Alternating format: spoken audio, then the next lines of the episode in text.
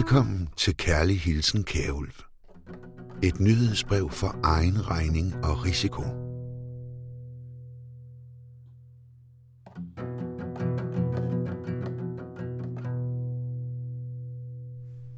Jeg er en nøgen journalist. Jeg har mit eget lille bitte firma med mig selv som eneste asset og ansat, og jeg har hidtil klaret mig for forbavsende få midler, og der er absolut ingen udsigt til, at jeg bliver rig eller får råd til italienske sko via mit fag.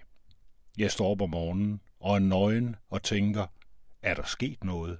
Og det er der altid. Faktisk er der sket så meget, at jeg dårligt ved, hvor jeg skal begynde. Så lad os starte i den der Twitter-strøm, som jeg stadig modstræbende bedre mig selv i. Jeg har pt. 6.244 følgere. Det går sådan lidt op og ned. Hvis man optræder i andre større medier, eller har en bestemt dagsorden, eller skriver noget sjovt og personligt, ja, så går man op i følgere. Og hvis man kommer til at holde på den forkerte hest, og den stikker af, ja, så bliver man blokeret, og ingen følger en længere. Eller rettere, så er der nogle andre, der gør. Men måske er det nogen, man ikke kan lide. All units, all units. Situation 1310. Situation 1310. This is not a test. Condition yellow. Air raid. Air raid. Generelt er Twitter et ekstremt politisk sted.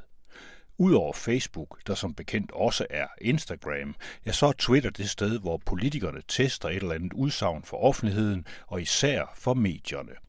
Derfor er der mange politikere derinde, og ekstremt mange journalister.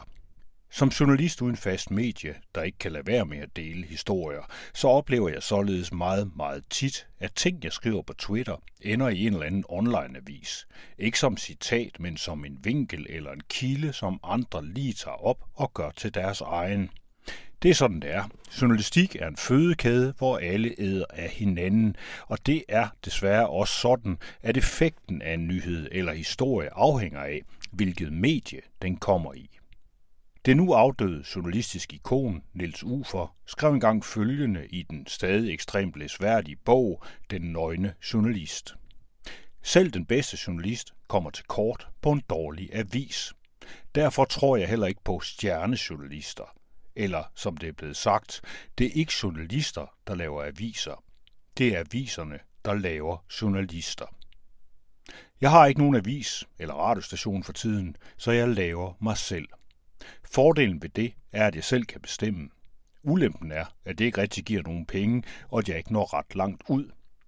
Niels Ufer ville i øvrigt have det her, fordi det i en eller anden form er det, han kalder New Journalism, hvor det er mig, der ovenikøbet tillader mig at lege, at jeg er nøgen journalist, der er hovedperson og fortæller. Ufer gik ind for, at vi journalister skulle være diskrete håndværkere, lave anstændige referater og selvfølgelig være vågne ved haveloven, hvis der dukkede en god historie op.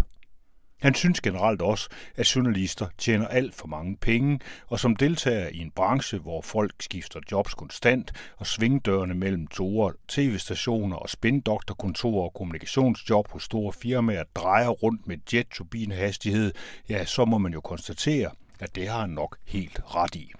Extreme emergency. All officers take charge. Operation Eager. 1310 yellow alert. This is not a test. Min fagforening, Journalistforbundet, er i øvrigt helt symptomatisk i gang med et eller andet navnehamskifte, hvor ordet journalist ikke længere skal indgå.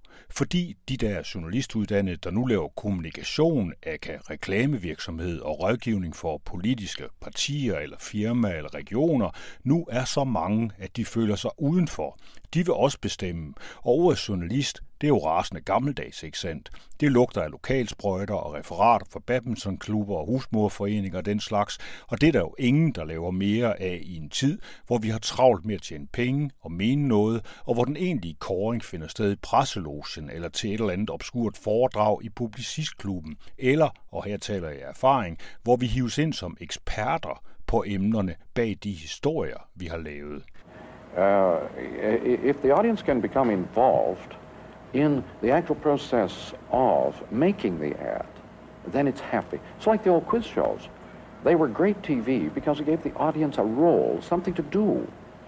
They were horrified when they discovered they'd really been left out all the time because the shows are rigged. Now, the, this is a horrible uh, misunderstanding of TV on the part of the uh, programmers. But in the same way, most advertisers do not understand TV media. Men det var Twitter, jeg kom fra. Her er der slet ikke noget filter eller nogen aviser eller radiostationer, og her har jeg skabt mig om til en zombie-nyhedsmaskine, en form for virtuel telefax i et rungende tomt rum, der spytter den ene meter nyhed ud efter den anden til et publikum, der har mere travlt med at lave deres egne nyheder. For vi lever i en verden af skabere, ikke læsere, og hvis vi endelig læser noget, som andre har lavet, så er det jo kun for at kunne bruge det til vores egen formål, som er os selv. Ikke. På den måde er journalister endt med at minde om politikere. De politikere, der i dag minder mere om de embedsmænd, der igen minder om gammeldags, diskrete politikere, der skubber deres dagsordner ind under en ambitiøs Birgitte Nyborg-type, mens vi, journalisterne, skriver om de tweets, hun lægger op. Tweets, der er skrevet af andre journalister, der nu kalder sig kommunikører, fordi spindoktor, det lyder sådan lidt grimt. Det forfærdelige er, at vi nu er endt med en verden, der til sydenland ikke længere er konkret.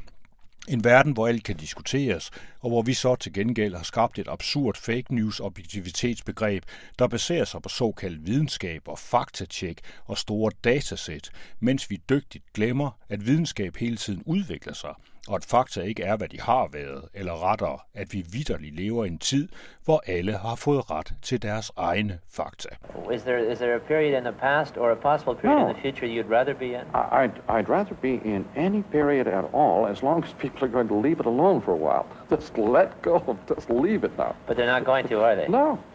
So the only alternative is to understand everything that's going on and then counter neutralize it as much as possible, turn off as many buttons as you can, and uh, frustrate them as much as you can. I, I am uh, resolutely opposed to all innovation, all change, but I am determined to understand what's happening.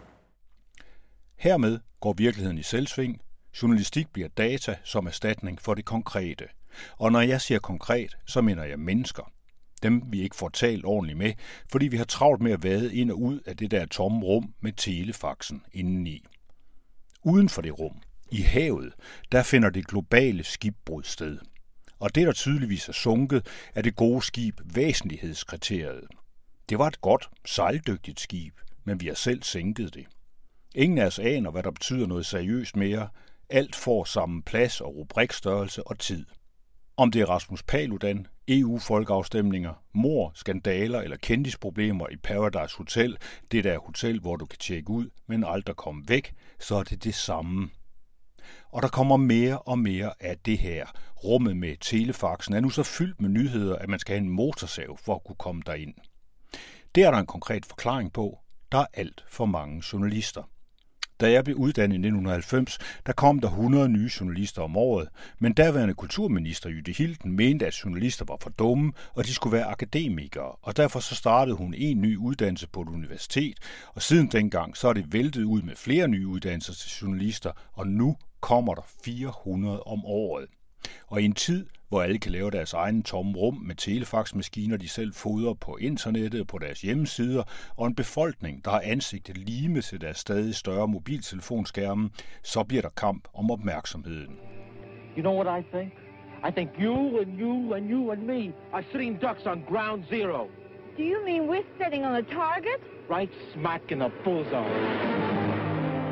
Well, let's get out of here. What are you keeping us for if this is ground zero? Where are you gonna go? We're safer here than we would be in a city. Lucky I stopped you. Any idea what it's like back there? People get pretty panicky. I bet they're scratching and fighting their way out. There's a plan to control it. Indimellem så hæves det gode væsentlighedskriterie skib skam også fra den sugende sorte bund, det hviler på. Da krigen mellem Ukraine og Rusland brød ud, ja så vidste vi godt, hvad det handlede om. Krig, det er konkret, og det bliver dækket efter alle kunstens regler, lige fra BBC Worlds yderst sober reportager til diskussioner om politikernes brug af skudsikre veste i kampzonerne, og desværre så skred det helt direkte over i diskussioner om Ukrainegade og mudderkastning mellem partiernes opfattelser af, hvem der havde den moralske upper hand. En diskussion, som enhedslisten taber non-stop og igen og igen, fordi der er krig, og så er det helt forståeligt, slut med netop forståelse for og at dem, der er fjenden, russerne. That fiction now utterly exposed. Explosions right across this vast country.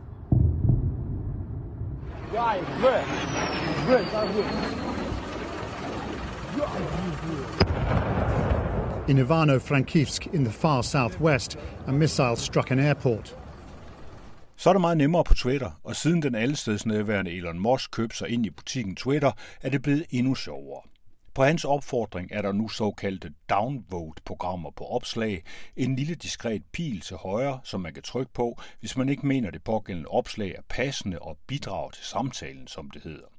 Der er ikke rigtig nogen, der ved, hvad der sker i Twitters ende, når man trykker på det her, men man har i hvert fald muligheden.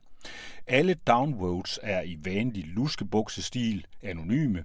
Det vil sige, at den du downvoter ikke kan se det, at de kan slet ikke se, at det er dig. De kan faktisk ikke engang se, at de er blevet downvotet. Men hvis du nu er Twitter-bruger og tænker, hvor er den knap, så jeg kan klikke alle røvhullerne væk fra mit feed, ja, så kan det godt være, at der ikke er en. For nogle gange er den der, og andre gange er den der ikke. Og det er ikke alle, der får en lige med det samme. Måske har du en, måske har jeg. Måske klikker jeg downvote på dig, måske klikker du på mig. Det er ligesom med Musk, der først købte en tredjedel af Twitter, nåede at sætte sig i direktionen og så forlod den igen, så han bedre kunne købe og sælge, uden at det var ren og skær åbenlyst spekulation, på samme måde som da han i sin tid købte noget med bitcoins. Først købte han en masse bitcoins, så fortalte han vidt og bredt om, at de blandt andet kunne bruges til at købe Tesla'er for, og så steg bitcoins, og så skiftede Musk mening og solgte sine bitcoins og lavede sin egen kryptovaluta Dogecoins. En joke, der nu er virkelighed, som almindelige mennesker har virkelig penge i. Jeg håber, det går dem godt. Vi er nemlig alle sammen på vej mod rent digital penge, hvis det står til Dansk Erhverv og til Folketinget, der fredag morgen kunne høvle endnu en skive af det, der hedder kontantreglen. For et par måneder siden, ja, der blev maksbeløbet for kontante køb sænket fra 50.000 kroner til sølle 20.000 kroner. Det vil sige, du kan dårligt nok gå ned og købe en racercykel kontant. Og i fredags, ja, der blev det vedtaget, at erhvervsdrivende, de skal ikke være forpligtet til at modtage kontanter i handler med andre erhvervsdrivende, og at den hidtidige dispensationspraksis for kontantreglen skal formaliseres, så festivaler og lignende arrangementer af midlertidig karakter fremover ikke længere skal ansøge om dispensation fra kontantreglen. Men hvad er den her kontantregel så for noget? Kontantreglen den handler om, at alle de steder, der tager imod betaling, skal tage imod kontanter. Og hvis du har et dankort eller MobilePay eller noget andet, så er det nok ikke noget, du tænker så meget over. Men der er faktisk både svage og almindelige grupper her i landet, der ikke har hverken dankort eller MobilePay, og der er en masse andre, der har deres egen grunde til at ville betale med klingende mønt, det der må siges at være kongens mønt, mønt der altså i fremtiden bliver sværere at komme af med. Der har sjovt nok ikke været særlig meget debat om det her nogen steder, hvad vi skal betale med i fremtiden og hvordan vi skal have mulighed for at bruge vores egen penge. I stedet så presser dansk erhverv konstant på ministerierne for at få kontantreglen afskaffet totalt, ligesom de gjorde i Sverige for nogle tid siden med katastrofale følger, da hele markedet for at bruge kontanter kollapsede på stedet, og alle nu hænger på rent digitale løsninger, noget der er ekstra absurd i en tid med krig, hvor den svenske stat opfordrer borgerne til at være beredte gennem ekstra mad og batterier og kontanter. Kontanter har nemlig den uforlignelige force, at de ikke kan hackes, og de ikke bruger batterier, og det at have dem som backup-system i nærheden af en væbnet konflikt er en usædvanlig god idé – at man så samtidig gør det nemmere for borgere uden kreditkort, med dårlig økonomi, eller bare ude af stand til at håndtere koder og kort og værre, det må sige at være nok yderst fornuftigt. Ikke. Kan vi ikke blive enige om det? That's why I stopped you. And you're going to stay here. Every road from every population center is going to be jammed with thousands of automobiles, cars, trucks, buses. Every road jammed. Wow, baby, do you realize if we'd have kept going, we'd have ran smack into that grabbing mess? And to stop you from adding to the congestion, my orders are to keep you here. Som en skrev på det der Twitter, sikkert downvotet til helvede af diverse kryptospekulanter og dansk erhverv og bankerne, der går det klar over, at man ikke kan gebyrlægge kontante transaktioner. Han skrev, jeg er PT uden kort, så jeg kan ikke bruge DSB's toiletter, er stødt på massive problemer med at betale regninger på en restaurant, ikke købe DSB's billetter over internettet, ikke opdatere mit rejsekort, via 7-Eleven i min by, det her, det vender den tunge ende nedad, slutter han. Og her nærmer den her splitternøgen journalist så også den tunge ende. enden på det her selvfinansierede nyhedsbrev, der både mangler en sponsor og et medie, der kan forme mig som journalist. For jeg er ikke nogen stjerne, bare et menneske med en stemme, og alt for meget, jeg gerne vil sige, før jeg går ud. Tak for at lægge øre til. Kærlig hilsen, Kjærulv.